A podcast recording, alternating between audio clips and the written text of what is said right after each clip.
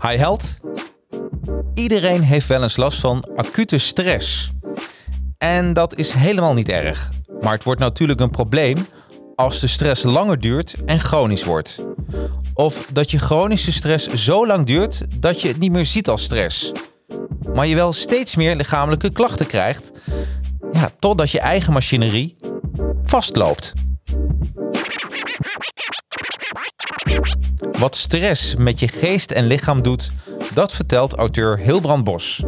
Wij praten over zijn nieuwe boek Stress is een keuze. Hij deelt zijn ervaring over zijn eigen zware burn-out, wat het met hem deed en hoe hij zichzelf heeft leren kennen tijdens deze reis. Mijn naam is Jacarino en je luistert naar de Jacarino's Advertising Heroes podcast. Here we go.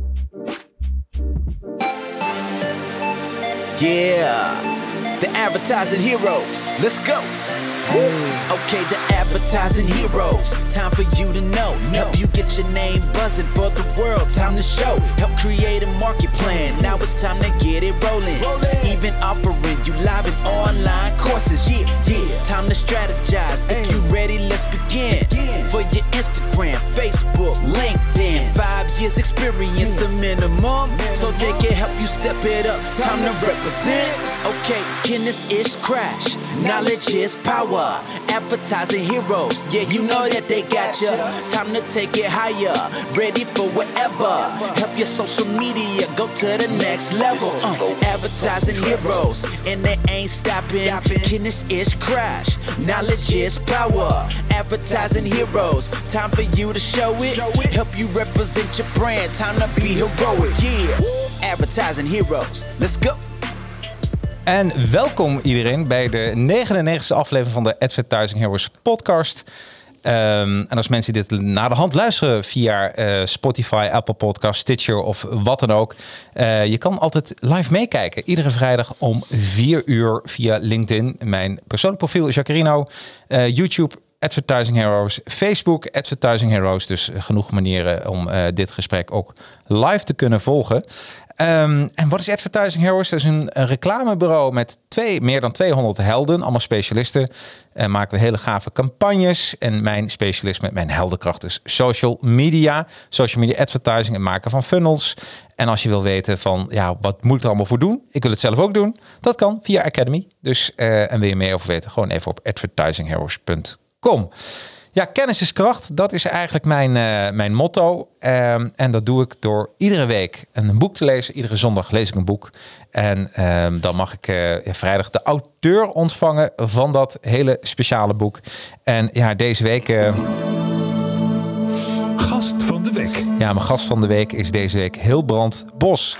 Nou, welkom. Dankjewel. Ja. Nou, superleuk dat je, dat je er bent.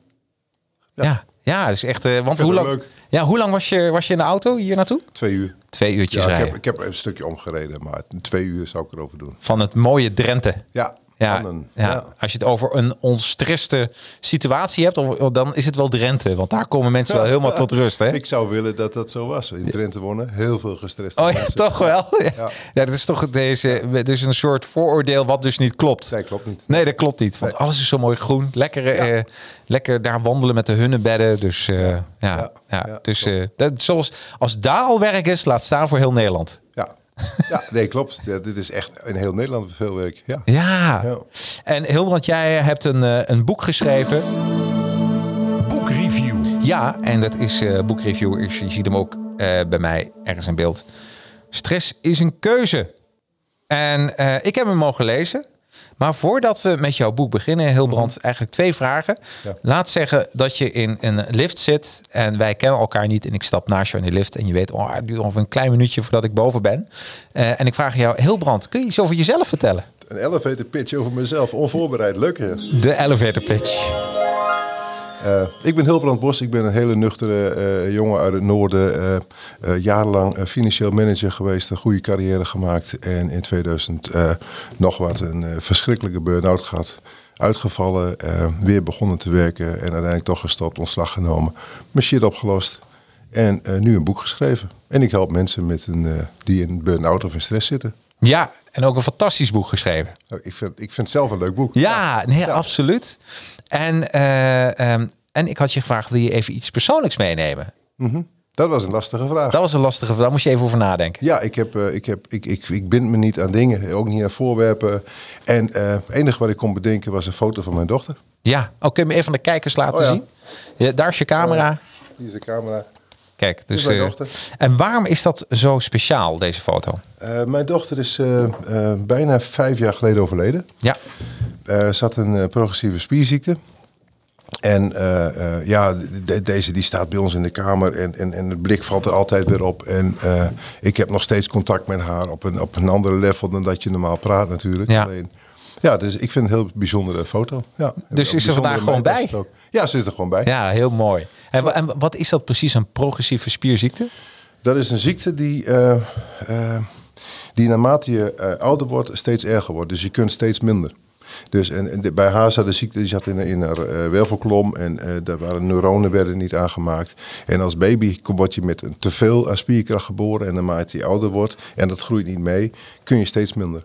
Oh. Dus ze zat ook vanaf eh, dat ze anderhalf was in de rolstoel. Ja, ja, ja. Is het enigszins te vergelijken met MS? Of Nee, ja, totaal niet. Ja, misschien wel. Ik, ik, heb me nooit verdiept in MS. Ik weet dat Nee. MS, dat sommige mensen met MS nog gewoon kunnen lopen. Maar zij heeft vanaf haar 18 maanden zet ze in de rolstoel. Ze was de de eerste Och, jeetje. jongste gehandicapt in de rolstoel ooit in Nederland volgens mij. Ja. Nou, dat is een twijfelachtige eer. Ja. Hè? Ja, jeetje. Ja. 18 maanden. Maar dan heb je... eh, Hoe klein is dat rolstoeltje dan niet? Dat is echt... eh, Het was heel klein. Dus Ja. Een, een, een driewieletje. Eh, er was een, eh, een leverancier bij ons in de buurt, die maakte ze. En eh, de kiddo. Ja. En die hebben wij toen eh, eh, voor haar eh, aan, aan mogen schaffen. Ja. ja, jeetje. Ja, En jouw dochter speelt best wel een belangrijk deel in het boek. Eh, ja, dit- ik noem haar zelfs als mijn grote inspirator. Ja, precies. Dus eh, vandaar dat het, eh, dat helemaal toepasselijk is. Ja. Ehm, De coolste eh, gehandicapte van Nederland trouwens hoor. sorry, wat zei je? De coolste gehandicapte De van coolste Nederland. van... Daar komen we dadelijk Ja, even op terug. Ja, maar, nou nee, kunnen we nu behandelen. Waarom is het de coolste? Ja, dat is een, een opmerking van mijn schoonzoon, haar vriend. Ja. En eh, die vond haar de coolste gehandicapte. Ze deed ook altijd dingen die, eh, ja, die niet pasten bij, bij het traditionele beeld... wat je van, een, van iemand in een rolstoel hebt of van een gehandicapte.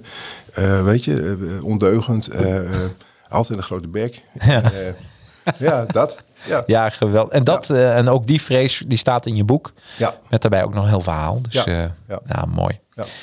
Jouw boek bestaat uit 237 pagina's. Mijn vaste kijkers weten dat is ongeveer voor mij twee sigaren.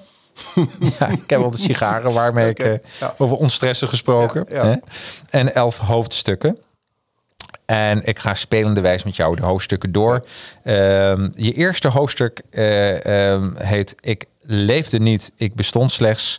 En, ehm, eh, en eigenlijk zeg je, dat vond ik wel een, een mooi. Ik dacht, wat je wat een andere titel voor je boek had kunnen zijn. mijn burn-out was een groot cadeau.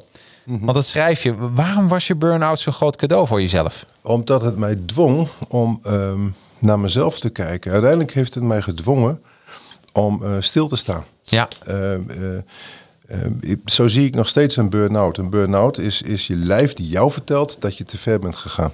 Hm. En ik ben zoveel te ver gegaan. En daarom was het mijn mooiste cadeau. Want ik had geen andere keus meer. Ik Nee. moest naar mezelf kijken.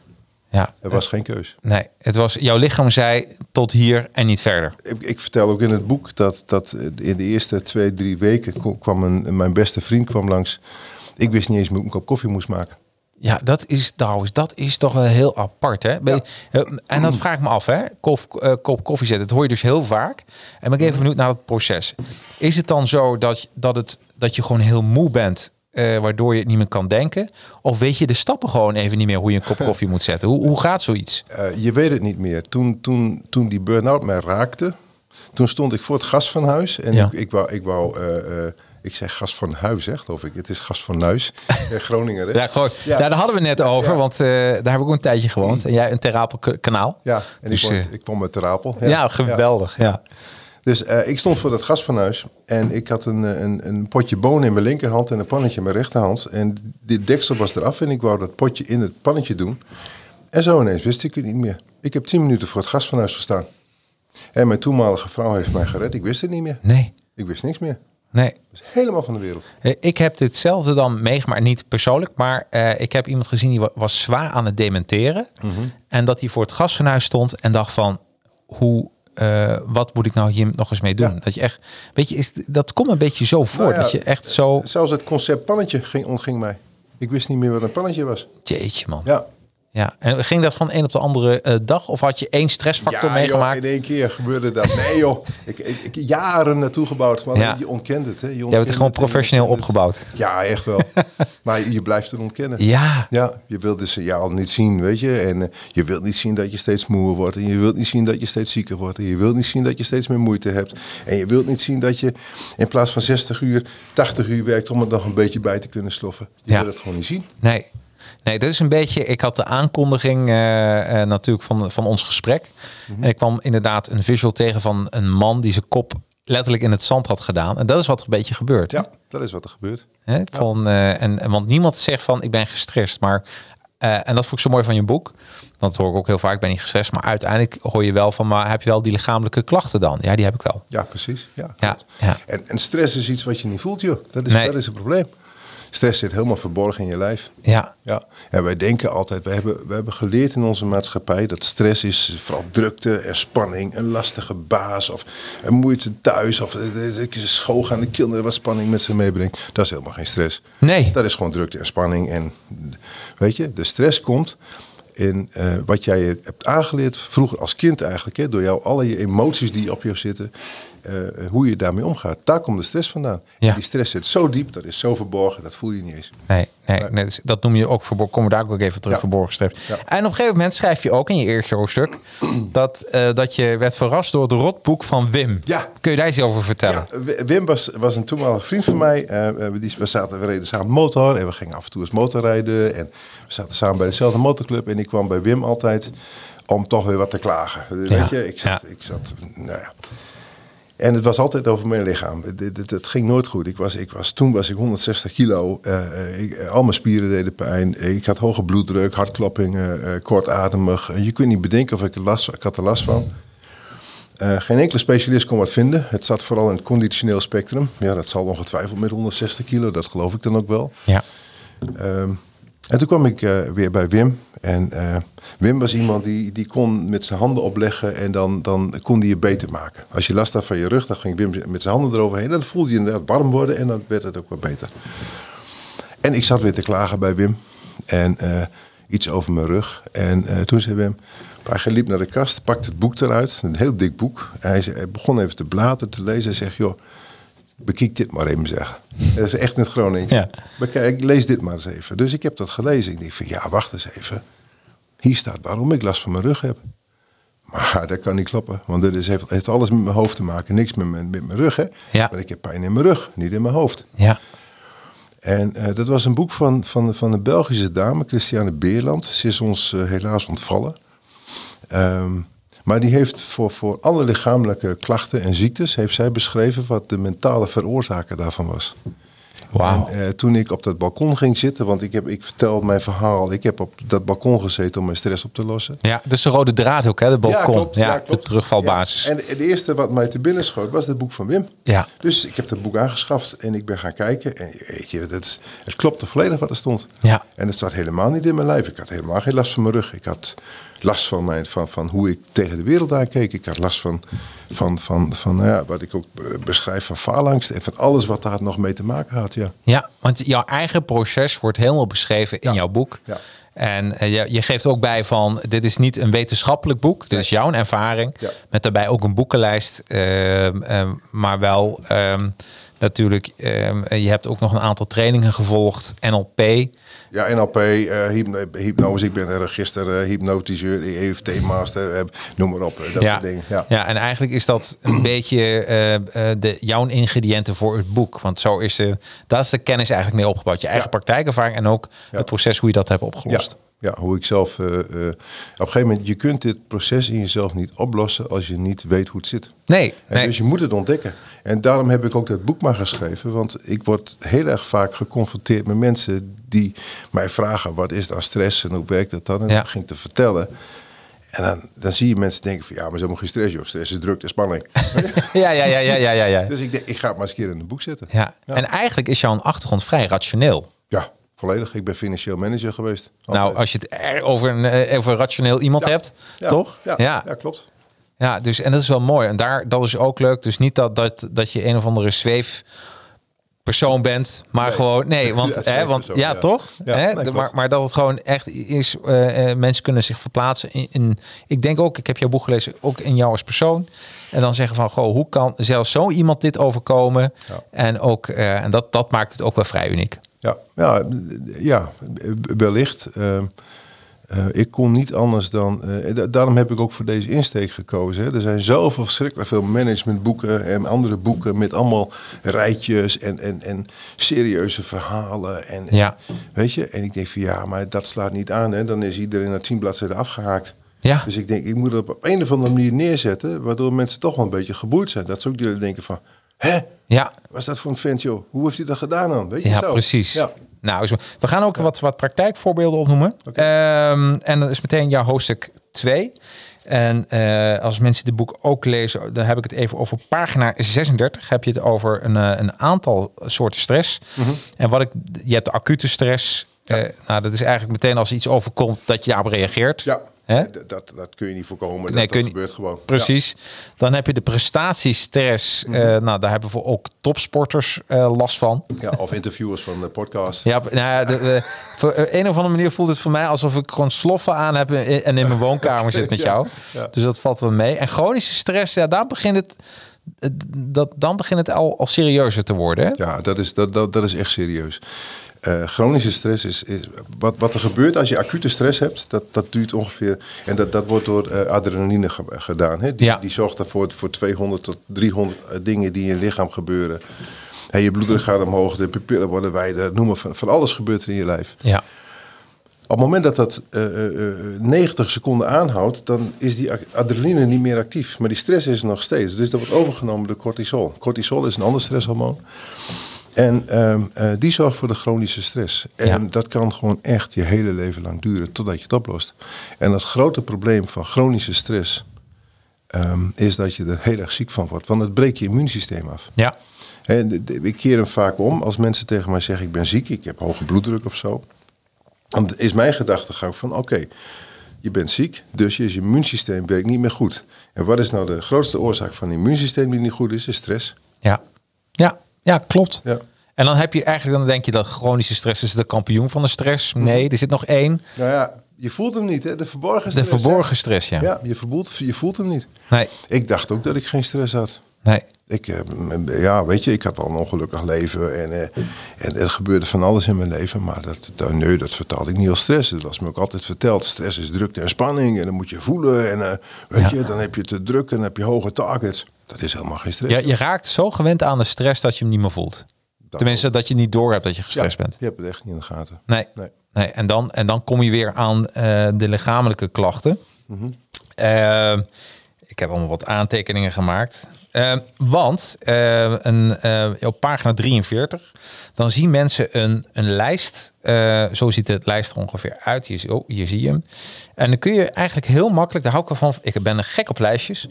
Eh, heb je vaak last van de volgende lich- lichamelijke klachten. En dan staat er, ik ga een paar opnoemen. Duizeligheid of een lichtgevoel in je hoofd. Ja of nee kun je aangeven. Pijnlijke spieren, flauwvallen, pijn in de nek, pijn in de rug, overmatige transpiratie. Dus je hebt een heel veel van dit soort dingetjes. Ehm, en eigenlijk is jouw boodschap van, ja, weet je, als jij meer van dit soort eh, eh, regels ja hebt ingevuld, nou, dan, dan, dan kun je beter even langs de huisarts gaan. Sowieso. Ja. Eh, dan is de kans al heel groot dat er toch stress in het spel is. Ja, ja. En dan, en dan ook mooi, voel je, voel je, voel je je of ben je of denk je gespannen, snel geïrriteerd, angstig, dat alles zinloos is. Ja, dit is, dit is, dit, dit is eigenlijk ook ehm, chronische slash verborgen stress. Ja.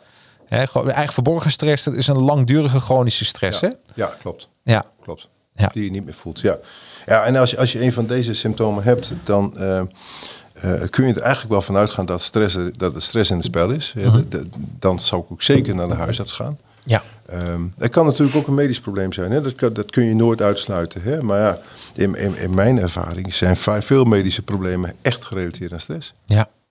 Ja, dus, en dat staat allemaal in je boek, stress is een keuze. Voordat ik even verder ga, ik wil toch eens ook een compliment maken aan, en mensen die de podcast luisteren, die zien het wel in de titel, in de afbeelding, maar de voorkant vind ik echt helemaal geweldig. ik als eh, reclameman, ik dacht van, dit is echt helemaal super.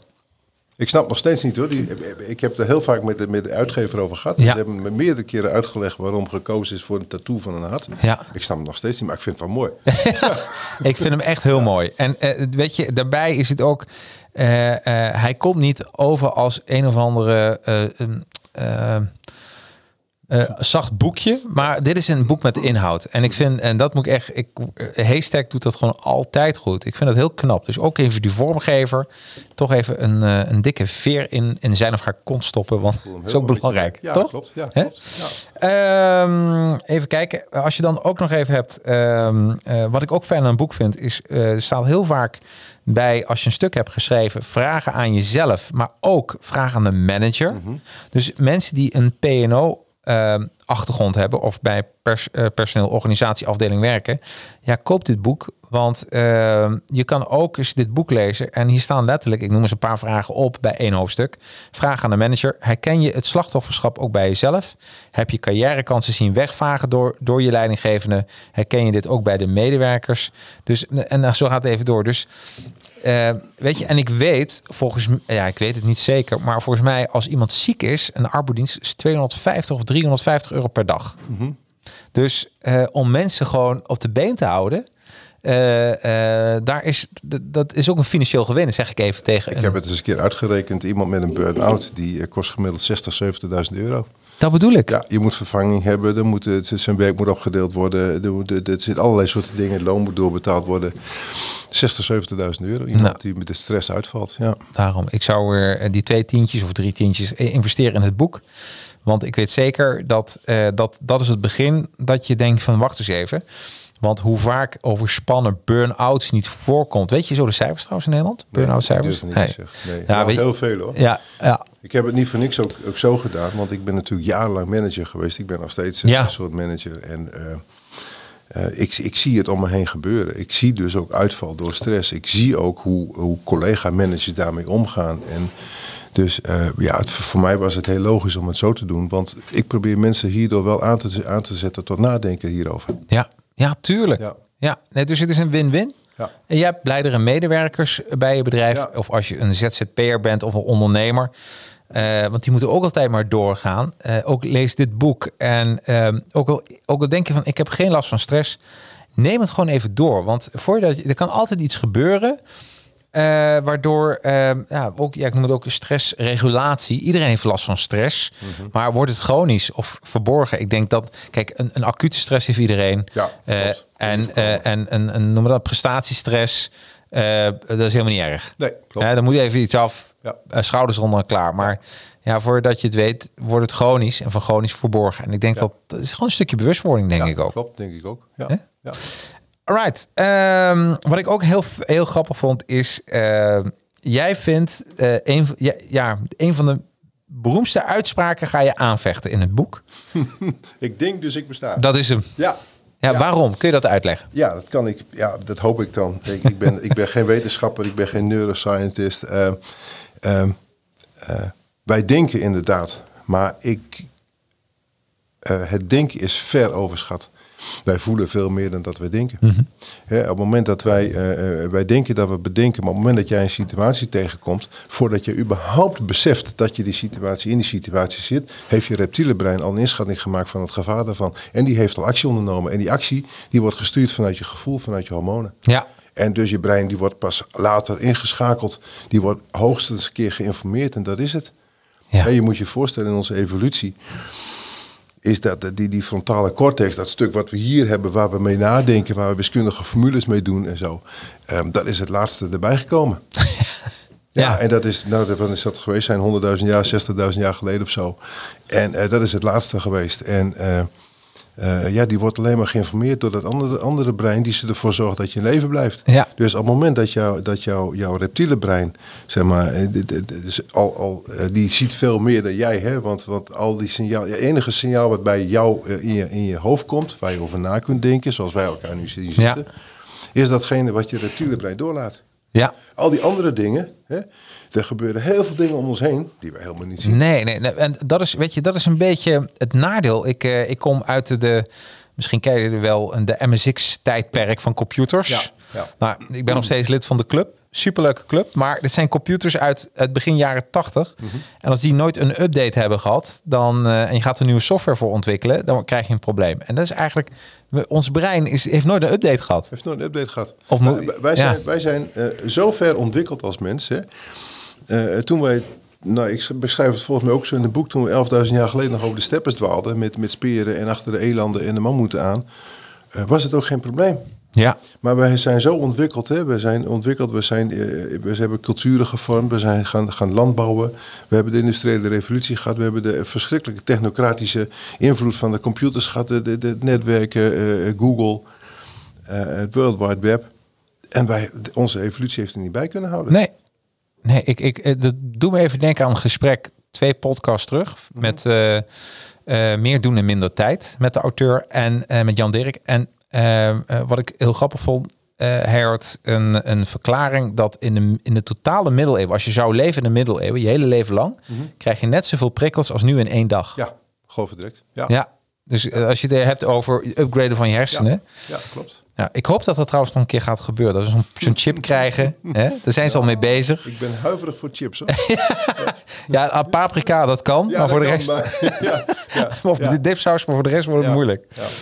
Ehm, ja, en wat ik ook mooi vond, ik pak hem er even bij, pagina 70. De, de, wat ik een memorabel stuk in jouw boek vond, is ehm, eh, de, open, ja, de openbaring. Je kreeg een openbaring op je balkon. En kun je ons meenemen, wat was nou de grote openbaring? Even kijken, moet hem eigenlijk, dit vind ik wel de, de openbaring. Want dit gebeurde er dan, hè? Je hoorde dit geluid.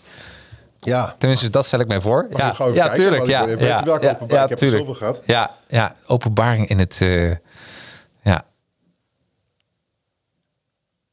Dit wat nu ontstaat is acute stress. Nee. Nee, De openbaring was voor mij Ja? dat, dat ik ineens snapte hoe het zat. Ja, De openbaring van hoe kan het nou dat ik steeds weer in die situaties rol, hè, waar, waardoor ik die stress ervaar. Ja. En dat heeft alles te maken met het feit dat op het moment dat jij in je jeugd dingen meemaakt, hè, en als kind eh, zijn heel veel dingen zijn gewoon gevaarlijk, hè, want, want dat is, waar, dat is het enige Ja. waar we uit zijn, hè, vermijden van gevaar. Ja. Daarom is angst ook onze grootste, eh, grootste eh, emotie die we daarin kunnen hebben, om angst te vermijden. Maar alles wat ik deed, deed ik nog steeds vanuit mijn angsten die ik als kind had opgedaan. En het, het is een geweldig fenomeen dat die angsten, eh, Ja. die, die zijn gekoppeld aan herinneringen. En op het moment dat we dus iets gebeurt in ons leven, hè, dat kan heel simpel zijn. Het kan bijvoorbeeld een collega zijn die op een bepaalde manier naar je kijkt, die je gewoon triggert in iets wat je in je jeugd hebt meegemaakt, waar je weer bang voor wordt. Ja. En dan denk je, hè, weet je, en dan zit je gelijk daar weer in. Dus ons, onze, onze ervaringen zijn niets anders dan dingen die gebeurd zijn. Daar zit een emotie aan vastgekoppeld en dat blijft gewoon zitten. bizar is dat, hè? Heel bizar.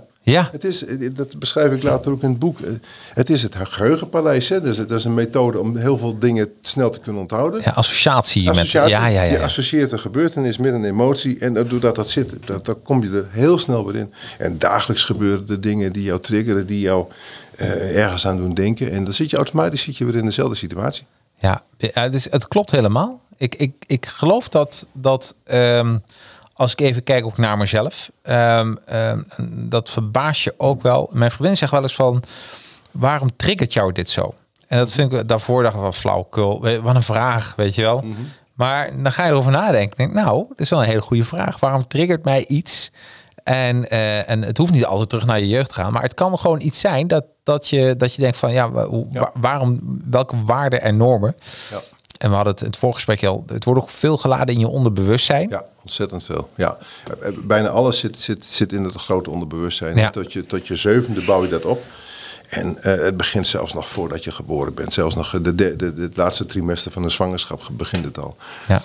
Komt heel veel in je Hoe, en onderbewustzijn. hoe kom je er eigenlijk achter wat er eigenlijk wat van shit er in je onderbewustzijn hoef je zit? helemaal niet te weten, joh. Nee? Daar kom je nooit meer achter. Maakt, maakt er geen fuck Daar mag er niks uit. Nee. Je, je, je, leven is feitelijk je diagnose. Hè? Ja. Zoals waar je nu last van hebt, dat is, dat is waar je last van Ja, hebt. Nou, dat dan zeg je ook leven in het nu. Ja, leven in het nu. Maar als je er nu last van hebt, moet je het nu oplossen. Ja. En je kunt wel bedenken van waarom, waarom ben ik dan zo altijd zo bang als mensen zo naar me kijken. Ja, weet jij veel, dat kan gebeurd zijn toen je 2,5 jaar was. Ja, Daar precies. weet je helemaal niks meer van. Nee, nee. Dus je moet gewoon kijken van hé, hey, wat, wat, wat triggert mij nu?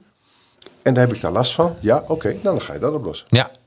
Nee, waarom ik dat vraag? Want je, je zei ook iets van hypnosetherapie. Mhm. Ga je dan, spreek je dan dat onderbewustzijn daarmee aan? Ja, maar hypnose gebruik ik niet om zeg maar de stress op te lossen. Want ik denk dat mensen dat echt zelf moeten doen. Ja. Ik leer ze ook technieken om dat te doen. Hè?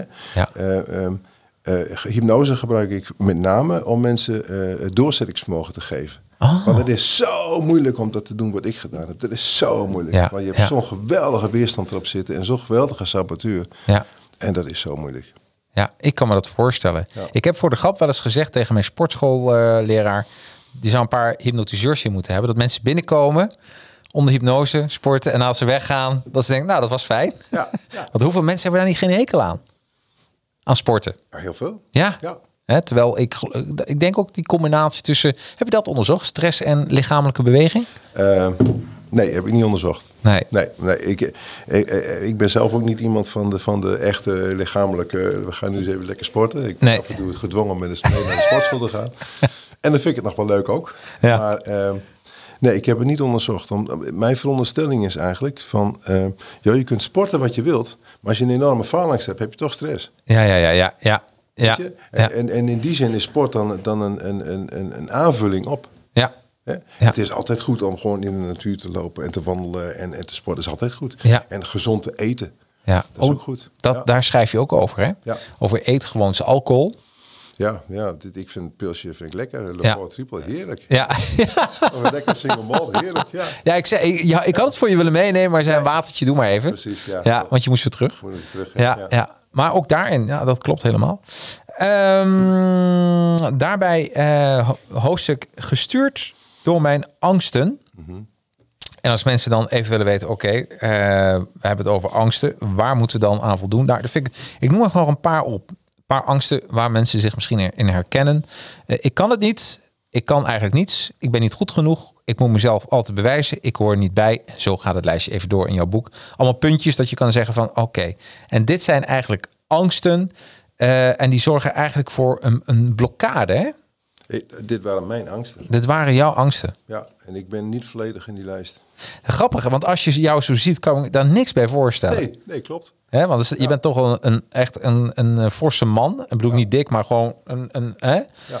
En ehm, ja, en dan, dan verwacht je, dan verwacht je, als je dit zo leest, verwacht ik een, en ik zou moeten tekenen, zou ik een heel ander persoon tekenen. Ja, klopt. En toch had ik er last van. Dit, Ja. dit is ook de reden van mijn burn-out. Ja, ja, Daarom, daarom kwam ik erin. En Ja. eh, eh, ik moest zelfs toen ik met het boek aan het schrijven was, moest ik echt graven om dit nog weer boven water te Ja. krijgen hoor. ja, ja. Maar dit is wat ik last van had. En ik herken het bij ontzettend veel met andere mensen, bij collega's. Ik, ik herken er ontzettend veel in. Ook Ja, anderen, ja. Ja, dus ook goed voor jezelf om de angstenlijst even erbij te pakken. En dan eens kijken van oké, hoe komt dat nou precies over? En wat ik ook ehm, een mooie vond, eh, eh, het is niet alleen angst en helemaal achter, pagina 150, en dat gaat dan nog even door, zeg ik dat even goed. Er staat een, een emotielijst. Ehm, en die is echt vrij groot. Want die emotielijst, dat- dat is, dat is echt een paar pagina's met allerlei emoties. Ingedeeld in categorieën. Eh, bijvoorbeeld afgunst, eh, heb je er last van? Eh, niet, soms, regelmatig, vaak en altijd. En dus mensen kunnen echt met een pen jouw boek doornemen. Ja. En dan eigenlijk, ja, hoe ziet dat eigenlijk voor mij eruit? Ja.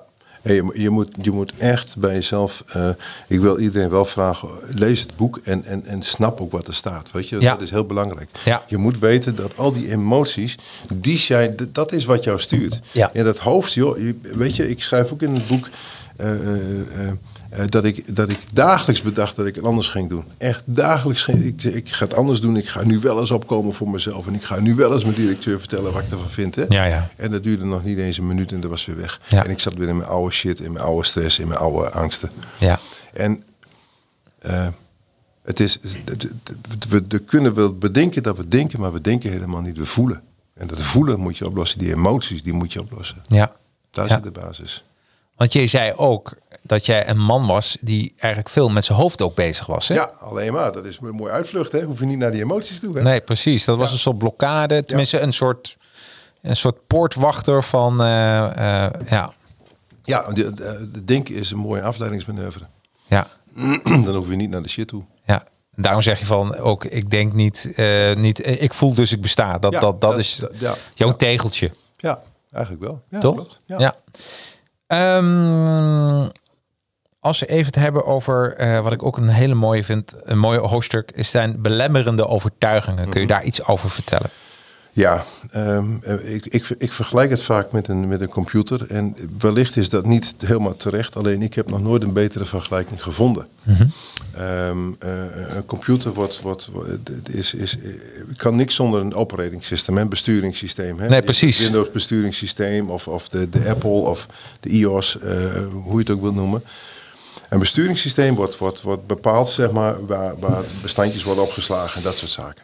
Ons onderbewustzijn is precies hetzelfde. Ja. Alleen waar in een besturingssysteem van een computer zeg maar, de programmaregels bepalen en de parameters zijn waar iets wordt opgeslagen, zijn dat bij ons, in ons, in ons onbe- onbewustzijn, zijn dat onze overtuigingen, belemmerende overtuigingen.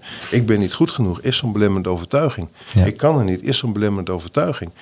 Het probleem is, daar zit, zit, zitten al die emoties aan vast, waardoor je ook steeds blijft denken en geloven dat dat zo is. En iedere dag word je honderden keren getriggerd door juist de, de gebeurtenissen die je steeds weer daar terugbrengen.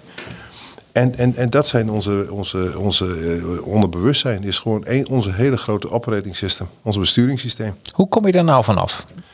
Ehm, door in elk geval te zorgen dat je eh, weet welke emoties er spelen. Dus je moet ze echt doorleven, je moet ze echt voelen. En op het moment dat je ze voelt, dan kun je ze, zijn er technieken om er vanaf te komen. EFT is bijvoorbeeld een hele techniek die ik graag toepas.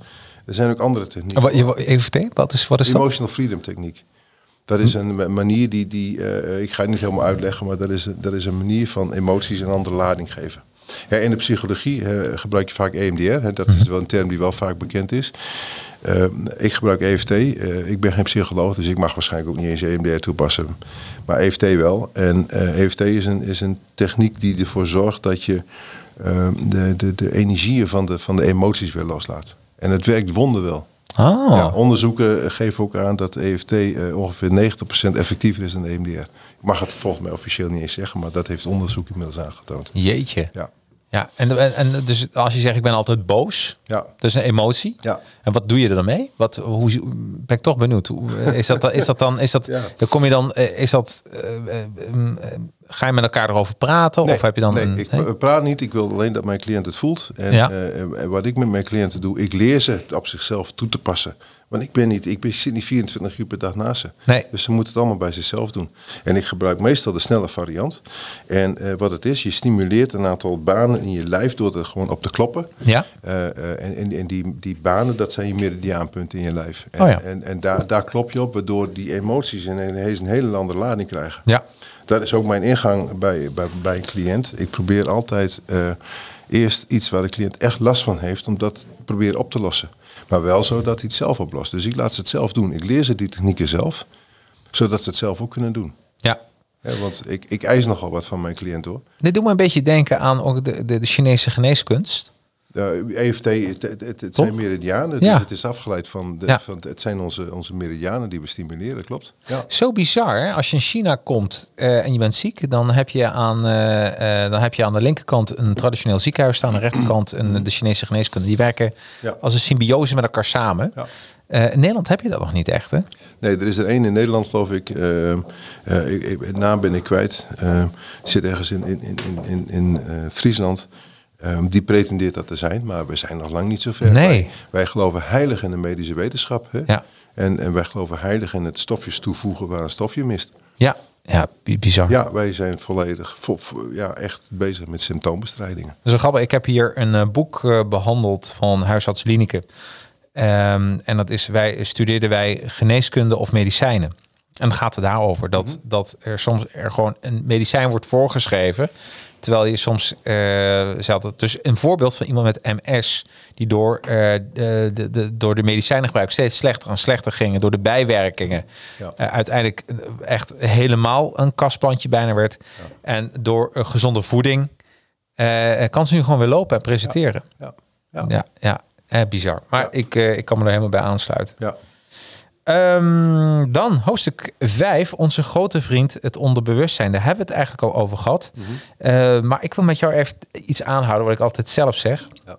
Ik zeg altijd, mensen moeten eh, niet uit hun comfortzone komen, maar juist daar naartoe gaan. Ze moeten hun comfortzone vergroten.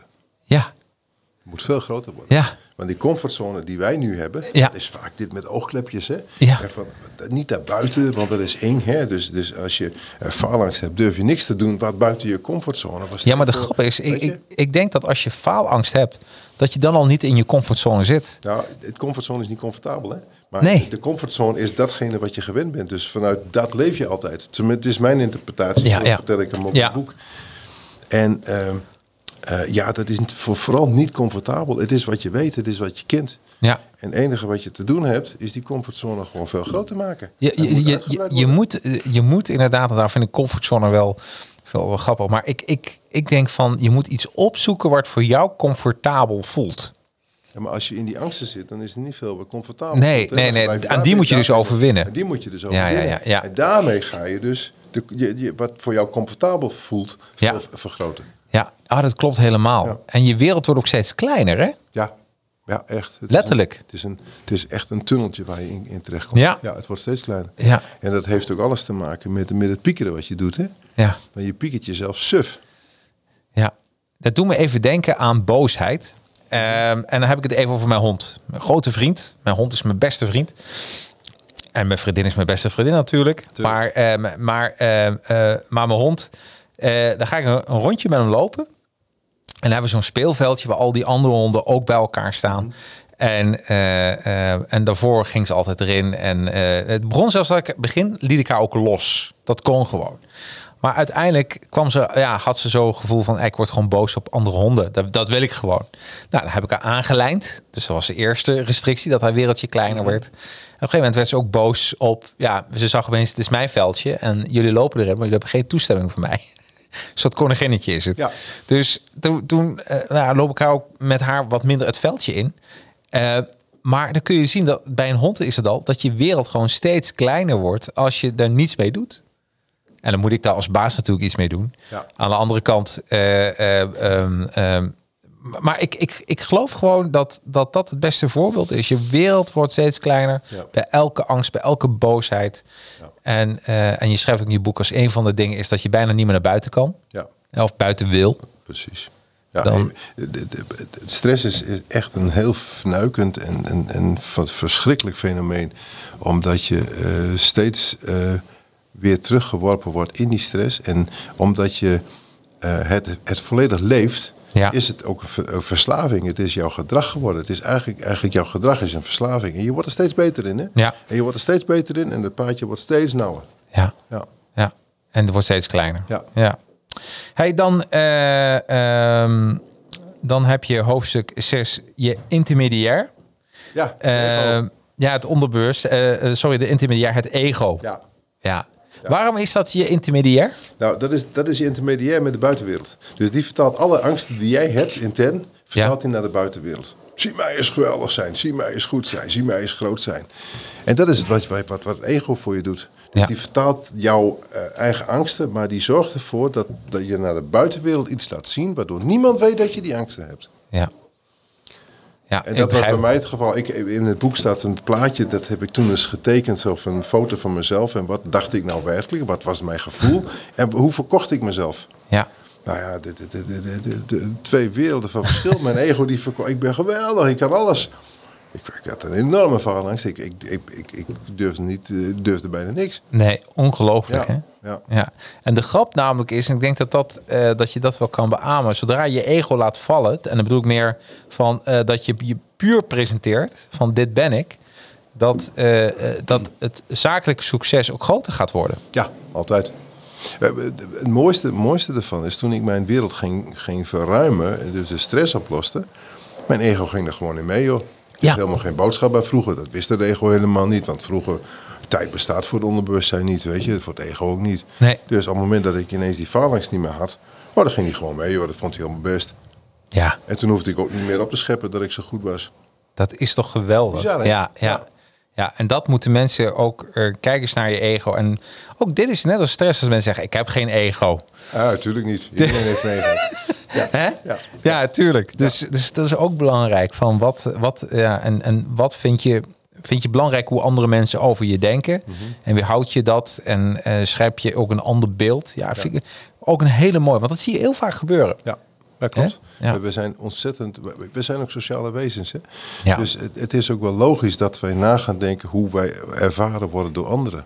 Ja, Hè, maar wat heb je een prachtige wereld als je er niet over na hoeft te denken. Ja precies. je? enige, eh, enige wat je moet doen, je moet iedereen met respect behandelen. Maar als het je niet uitmaakt wat mensen van je vinden, heb je een prachtige wereld. Hè? Ja. Dan doe je gewoon wat je zelf wilt. Ik weet niet waar ik hem zag. Ik zag eh, de give a fuck curve. Briljant. Eh, en dat is als je eh 20 bent, dan is hij op zijn hoogst. En naarma- naarmate je ouder wordt, en bij 50 neemt hij helemaal af, dan, eh, dan wordt het steeds minder belangrijk wat mensen van je denken. En het is eigenlijk dat je die curve zo snel mogelijk. Ja, waarom zou je wachten tot je 50ste? Precies. Hè, dat ja. kan ook eerder. Ja, ja klopt. Beginnen zo snel mogelijk. Begin met je give a fuck curve. Dat is misschien wel een hele goeie. Ja, ja. Ehm, ja, de waarheid, hoofdstuk 7. Mhm. Hey, en is, is de waarheid niet voor iedereen gewoon een leugen? Ehm, misschien wel. Iedereen heeft alleen maar zijn eigen waarheid. De Ja. waarheid bestaat niet. Nee. Iedereen heeft alleen maar zijn eigen waarheid. En het, het, alles wat je ziet in de buitenwereld, dat, dat is jouw interpretatie van de buitenwereld. Meer is het niet. Nee. En op het moment dat jij eh, vol in, in stress zit en met allerlei soorten angsten, dan zie je hem heel anders dan dat je gewoon echt open en heerlijk eerlijk in de, in de wereld staat. Dan zie je de waarheid heel anders. Ja. Dus ja, de waarheid bestaat niet. Ja, nee, ja. Nee. Dus, dus dat is, maar iedereen heeft zijn eigen waarheid Iedereen inderdaad. zijn Hè? eigen waarheid. Ja. meer, meer is het niet, hè? Ja. Dus hoe ik eh, hier zit en eh, wij praten eh, gezellig en weet je, eh, dat is hoe ik het ervaar. Ik vind het leuk, ik vind het interessant. Ik, ik denk van, hé, hey, jeetje, ik heb een publiek, iemand luistert naar me. Ja. Dat vind ik Ja. leuk. Ja. Dat is mijn waarheid. Ja. Als ik aan het gezeten met faalangst, oh, als ik maar niks verkeerd zeg, oh shit, weet Ja. je. Dan had ik een hele andere wereld gehad. Dan had ik gedacht van, jeetje, wat is dit eng. En als hij maar geen moeilijke vraag gesteld en weet je zo. En dan krijg je, het staat ook in je boek, de self-fulfilling prophecy. Altijd, hè? Ja. gedrag is een verslaving. Dus waar, waar, waar je bang voor bent, roep je over jezelf. aan. Ja. Altijd. Ja. Ja. Hey, ben ik even, eh, gewoon even benieuwd, hè? Eh, Want je hebt natuurlijk ook heel veel technieker. Ehm, eh, eh, heb jij ook een soort ochtendritueel voor jezelf? Als ik, als ik eh, vanochtend in de auto naar over gehad met mijn vrouw. Ja? En eh, ze zei, heb je laatste, heb je, mediteer nog wel eens? Ik zei, nou, deze week niet. Nee, ik heb niet gemediteerd deze Nee. week. Maar ik vind het wel heerlijk om gewoon even, even gewoon, gewoon 40 minuten niks te doen. Ja. Gewoon eens even zitten en even, even niks. Ja. Ja. En dan, en, en, en, en kan ik me voorstellen, heb je dan tijdsblok voor? Kun, Heb jij een patroon? Nee, niet. Nee. Nee. Gewoon, gewoon Ik heb- toen, ik, toen ik bezig was met mijn proces, heb ik allerlei soorten dingen gedaan om, om, om, om dat heb je al gedaan, geprobeerd. nou oh, ja, leuk. Ik, Ja. heb, ik heb van alles geprobeerd, maar je moet er vanaf, hè? Ja. En je komt er niet vanaf met het denken. Dus je moet iets anders doen om te denken om er vanaf te komen. Ja. Dus ik heb van allerlei soorten trainingen en cursussen gedaan om, om me te leren hoe ik er vanaf moest komen. Dus eh, dat is ook, ook redelijk goed gelukt. Ja. Maar ik ben niet zo'n... Ik ben niet zo'n Kun jij één ding opnoemen waarvan je zegt, oh, dat, dat, dit vond ik, eh, dat doe ik nu niet meer, maar toen heeft het mij geholpen, zo'n ritueel? Nou, eh, een van de rituelen, dat, dat was niet iets wat ik geleerd heb, maar opschrijven. Oh, Schrijf op wat je, wat je voelt. Ja. Dus je, je moet echt naar die emotie toe. En of het nou, nou angst is, of verdriet is, of, of schuld, of schaamte, of schroom, of maakt niet uit wat. Ga erheen, voel hem volledig en schrijf het op. Hmm. Want je gaat merken dat op het moment dat je het opschrijft, zit daar nog iets diepers onder. En daar nog weer iets diepers onder. En daar nog weer iets diepers onder. ja, ja, ja. Je moet echt volledig ontdekken wat, waar je mee zit. Dat is mooi. Dat heeft iemand een keer tegen mij hetzelfde gezegd. En die zei uit de mens in het, in, het sy- systeem, zoiets.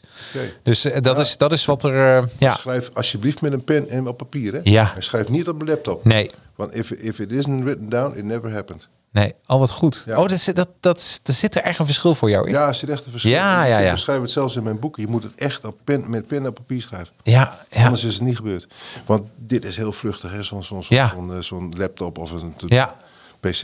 Ja, je moet het echt op papier schrijven. En het is ook lekker rustig, Heerlijk. toch? Ja. Want eh, er komt niet opeens een notificatie-mail dat de, dat de Advertising podcast live is. Maar het, nee, het is gewoon complete rust. Ja. Ja, ja, ja, ja. Nee, dat, eh, dat beaam ik. Dat is absoluut waar. En, en tijd is belangrijk. Hè? Ik, heb, ik heb ontslag genomen en toen heb ik het gedaan. Neem alsjeblieft geen ontslag om te doen wat ik gedaan heb. Ga gewoon terwijl je werk bent dat doen. Ja, Maar ik moest tijd hebben, ik moest rust hebben, ik moest, ik moest ruimte hebben. Ja. Anders kon ik het niet doen. nee. Dus ja. Maar dat is, dat is ook voor een manager. Want iemand die, die, die voelt, ja, weet je, als je, als je niet meer weet wat een pannetje is, dan lijkt me het heel moeilijk dat je weer aan het werk gaat, toch? Hoe, hoe, Ja, hoe- je wordt, je, wordt, je wordt weer opgelapt door eh, medicijnen. Ik heb ook aan de antidepressiva gezeten. En je wordt opgelapt met medicijnen. En iedereen is alleen maar bezig om jou zo snel mogelijk weer in het werkproces te krijgen. Ja. Want anders wordt de drempel zo hoog. ja. Hè, dat is wat je steeds hoort. En ehm, dus uiteindelijk ben ik weer aan het werk gegaan, maar het, het, het, het werd van kwaad tot erger. Dus ik, ik, heb, ik heb mezelf op laten lappen vanuit die burn-out. En ik ben weer eh, begonnen, maar ik wist toen al, ja, dan ga ik hetzelfde kutleven weer tegemoet als wat ik heb. Weet je waar me dit aan doet denken? Nou. Volgens mij heb ik het ook wel eens eerder verteld. Maar ik had laatst een... eh, een, eh, een ik, was, ik heb een goede autodealer, moet ik even zeggen. Maar ik was aan het rijden en ik kon, ik kon niet naar mijn autodealer toe. En ehm, toen stopte ik bij... Ik, bij mij begon een lampje branden. Zo'n dashboardlampje. En ik reed gewoon... eh, ja, ik google even snel zoeken de dichtstbijzijnde autodealer. En ik reed er naartoe. Ik ga geen namen noemen. En eh, eh, hij zegt, kijk er wel even naar. En op een gegeven moment, nou, hij zegt, joh, het is verholpen en service van de zaak. Ja, briljant. Dan denk je, dat is super aardig. Dus eh, toen zei ik, wat heb je nou gedaan? Hij zei, we hebben het lampje gewoon uitgedraaid. en dat is eigenlijk wat je dan doet. Want het probleem blij- blijft nog bestaan. probleem blijft, maar hij zei tegen mij, dit is zo'n klein probleem. De kans dat je dit hebt, eh, dat heb je niet. Maar je moet even langs je eigen autodealer. En die fixt dat wel voor je. Maar we hebben het lampje even. Dat je lampje niet ziet. Maar met een medicijn gebeurt het eigenlijk, Dat hè? is wat er gebeurt, hè? Ja. Ja, ja weet je, de, de verklaring was heel simpel. Ehm, eh, er wordt te, te weinig eh, serotonine aangemaakt, of te veel serotonine aangemaakt. Daardoor heb je een burn-out en dan krijg je dus nu een medicijn. Ja, bizar Maar eigenlijk. de vraag waarom wordt dat stofje Ja, precies. of niet aangemaakt, die wordt nooit gesteld. Hè? Nee, het lampje wordt gewoon uitgedraaid. Het lampje wordt uitgedraaid. Ja, je zie je wel, niks aan de hand. En, si- en sinds, ik, sinds ik mij eh, hersteld heb van, van, van mijn stress en van mijn burn-out, echt hersteld heb nadat ik de ontslag heb genomen, gebruik ik geen enkel medicijn meer. Nee. Dus al mijn lichamelijke klachten zijn weg. En eh, weet je, dat, dat, is wat, dat is wat je te wachten Ja, staat. ja, ja, gewoon echt de oorzaak Ja. aanpakken. Ja, en, eh, mijn maagsferen zijn weg, mijn, eh, mijn, hoop, mijn bloeddruk is op normaal, ik heb geen spierpijn meer, ik heb geen hartkloppingen meer. Eh, ik gebruik geen antidepressiva meer. Gewoon Nee. geweldig. Vorige week hadden wij het over, hebben we altijd naar hand even over de gast van de volgende week. Mhm. En toen zei iemand tegen mij van als je een burn-out hebt gehad, dan is zo'n elastiek die is uitgelebberd en daar blijf je altijd last van houden. Nee. Is niet zo, hè? Nee, is niet zo.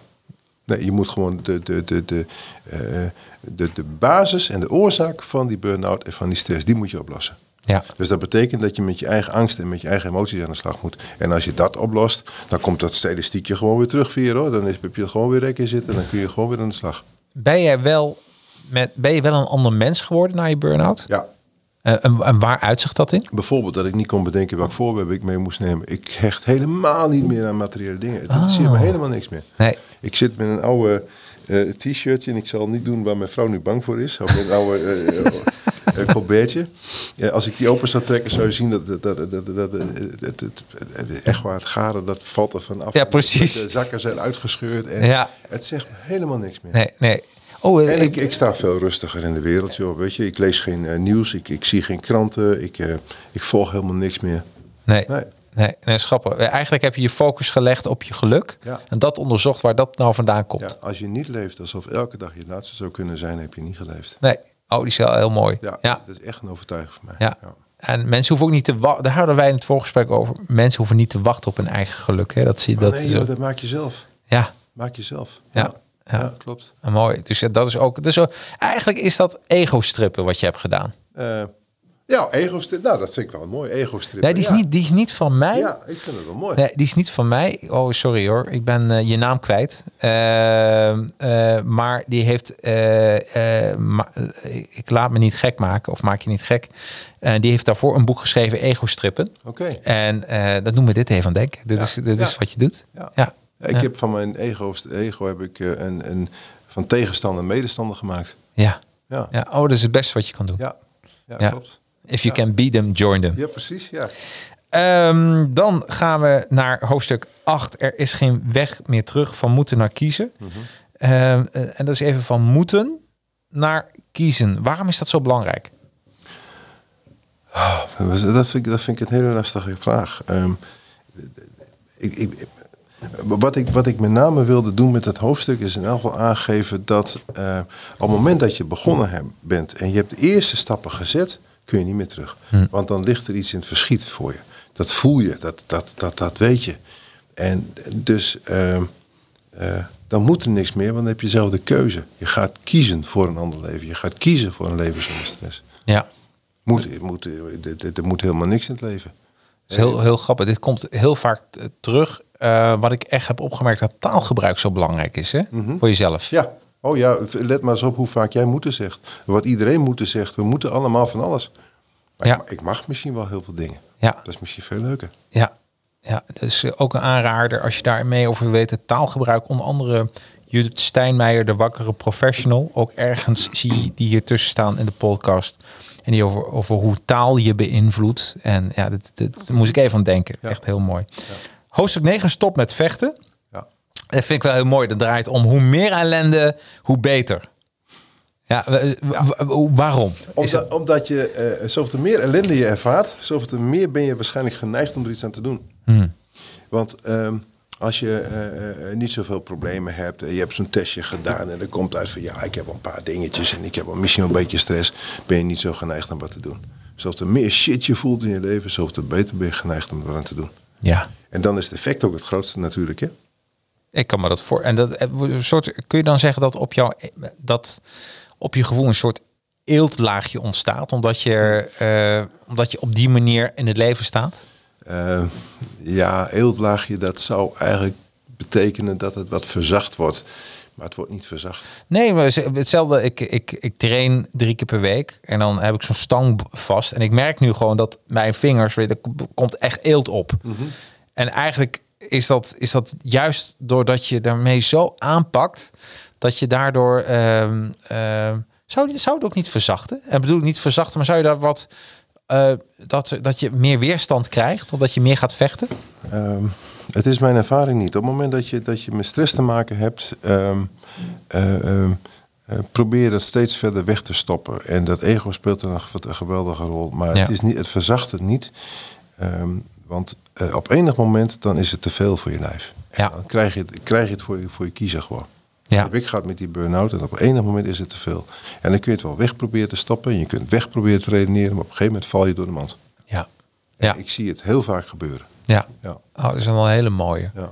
Dus juist niet. Nee. Hey, hoofdstuk 10. Ik voel me steeds beter. En dat is eigenlijk...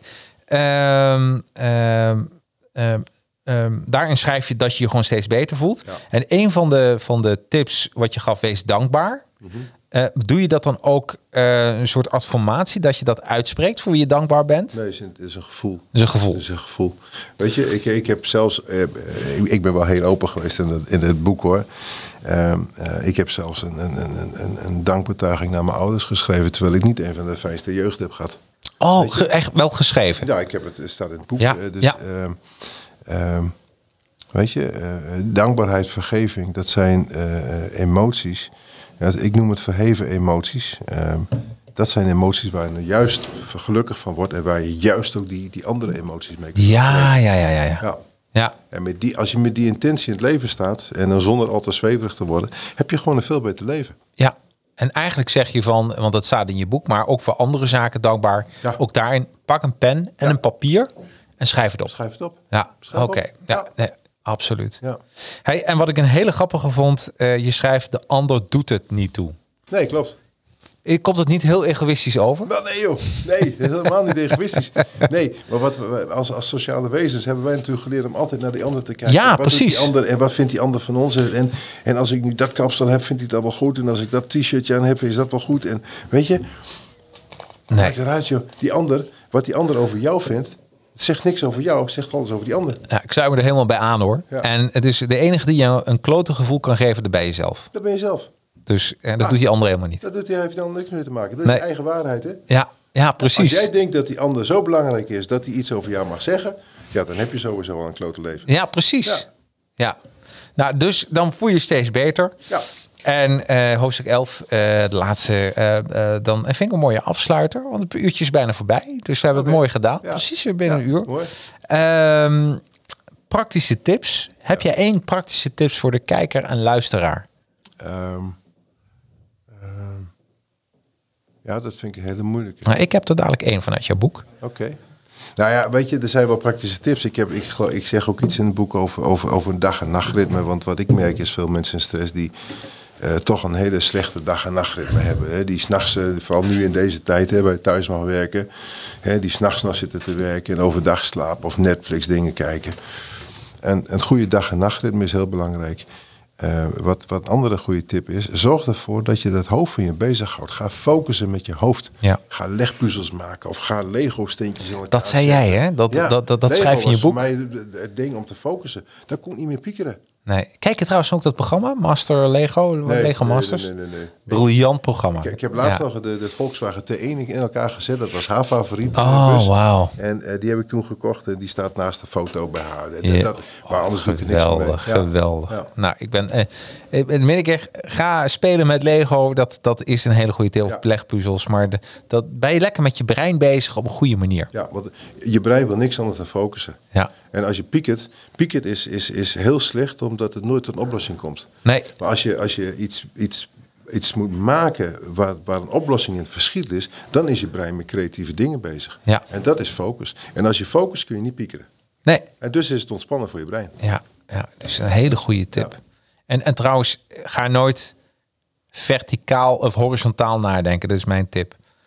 Nee, want als je in bed ligt, dan, moet- dan geloof mij, dan alles waarover je nadenkt wordt heel snel gepieker. En dan kun je toch niks doen. Nee. En je lichaam wil wat dingen doen, maar je, jij moet rusten. Dus je moet gewoon met jezelf afspreken. Zodra ik ga verticaal gaan liggen, is het gewoon voorbij. Dan, eh, Goeie tip. ja, toch? Ja. Ja. ja. Ja. Hey, hartstikke bedankt. En ik heb als laatste nog een, een gouden tip, een praktische tip. Jongens, koop gewoon dit boek. Ik heb eh, op mijn website dadelijk eh, eh, eh, heb ik een link staan naar managementboek.nl. Kun je hem gewoon bestellen eh, bij Haystack. Eh, hij is net uit. Deze week is hij echt uitgekomen. ja, hè? ja, klopt. Dus eh, stress is een keuze. En Hij is op mijn site te bestellen. Als je hem gesigneerde kopie wil hebben. Oh, leuk. Naar hilbrandbos.nl. Hilbrand met 1L. Hilbrandbos.nl. Ja. En eh, dan kun je hem bestellen en dan wordt hij ook nog gesigneerd. Nou, Ja. hoe mooi is dat? En misschien, dit is ook een iets, niet alleen voor jezelf, maar ook een cadeautje voor iemand. Dat je denkt van, hé, hey, wacht eens even. Ik weet zeker, hiermee maak je heel veel mensen blij. Ik hoop het. Ja, helemaal Ja. goed. Ja. Hey, dankjewel. Ben ik nog iets te, vergeten te behandelen? Zeg je van, Nee, ik, eh, eh, ehm, eh, nee, ik vond het leuk. Het was mijn eerste podcast, dus ik was helemaal... oh echt waar? Dit is, Ja, een- dit is, dit is gewoon een primeur. Nee, je hebt het heel goed gedaan. ik vond het hartstikke En- leuk om te doen. Ja, nee, nee. Ook een leuk gesprek en ook waar mensen echt wat aan hebben. Dankjewel daarvoor. Graag gedaan. Dankjewel. Volgende week, eh, dan hebben we een, een, een feestje. Dan is het aflevering 100. En eh, aflevering 100, ja, wat gaan we doen? We gaan eigenlijk alles behandelen eh, wat, we, ja, wat we eigenlijk de afgelopen 100 afleveringen hebben meegemaakt. En mijn collega Daan, die heeft eerlijk gezegd, ik heb, ik heb het niet gedaan. Ik heb aan hem gevraagd, wat vind je echt memorabele stukjes eruit? En heb je ook vragen aan mij? Dus hij gaat mij interviewen. Eh, en hij is al flink bezig geweest met de redactie afgelopen week. Dus eh is voor mij ook een soort verrassing wat er gaat gebeuren. Maar eh, dat komt zeker helemaal goed. Dus wil je meer weten over podcasten? Wil je zelf gaan podcasten? Ja, misschien is het een leuk. Een soort kijkje achter de schermen. Aflevering 100. We zijn heel vaak te vinden op de top 10. In de top 10 van Apple Podcast. En ja, daar ben ik toch wel trots op. Maar dat kon alleen maar door onder andere eh, mijn gasten zoals Hilbrand, die eh, hier helemaal naartoe wil rijden. Want het is één dingetje. Ik wil altijd dat auteur hier komt. In een of andere manier heb ik dan meer verbinding dan via een Zoom gesprek. Maar goed, dat ben ik. Eh, nogmaals bedankt en tot volgende week. Hoi!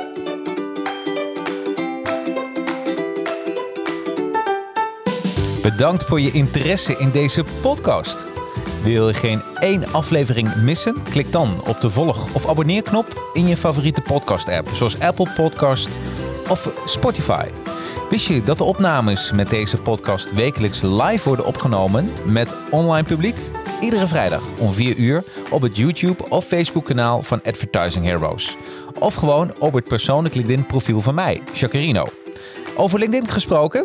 Connect met mij. Zoek op Jacarino, is J-A-C-A-R-R-I-N-O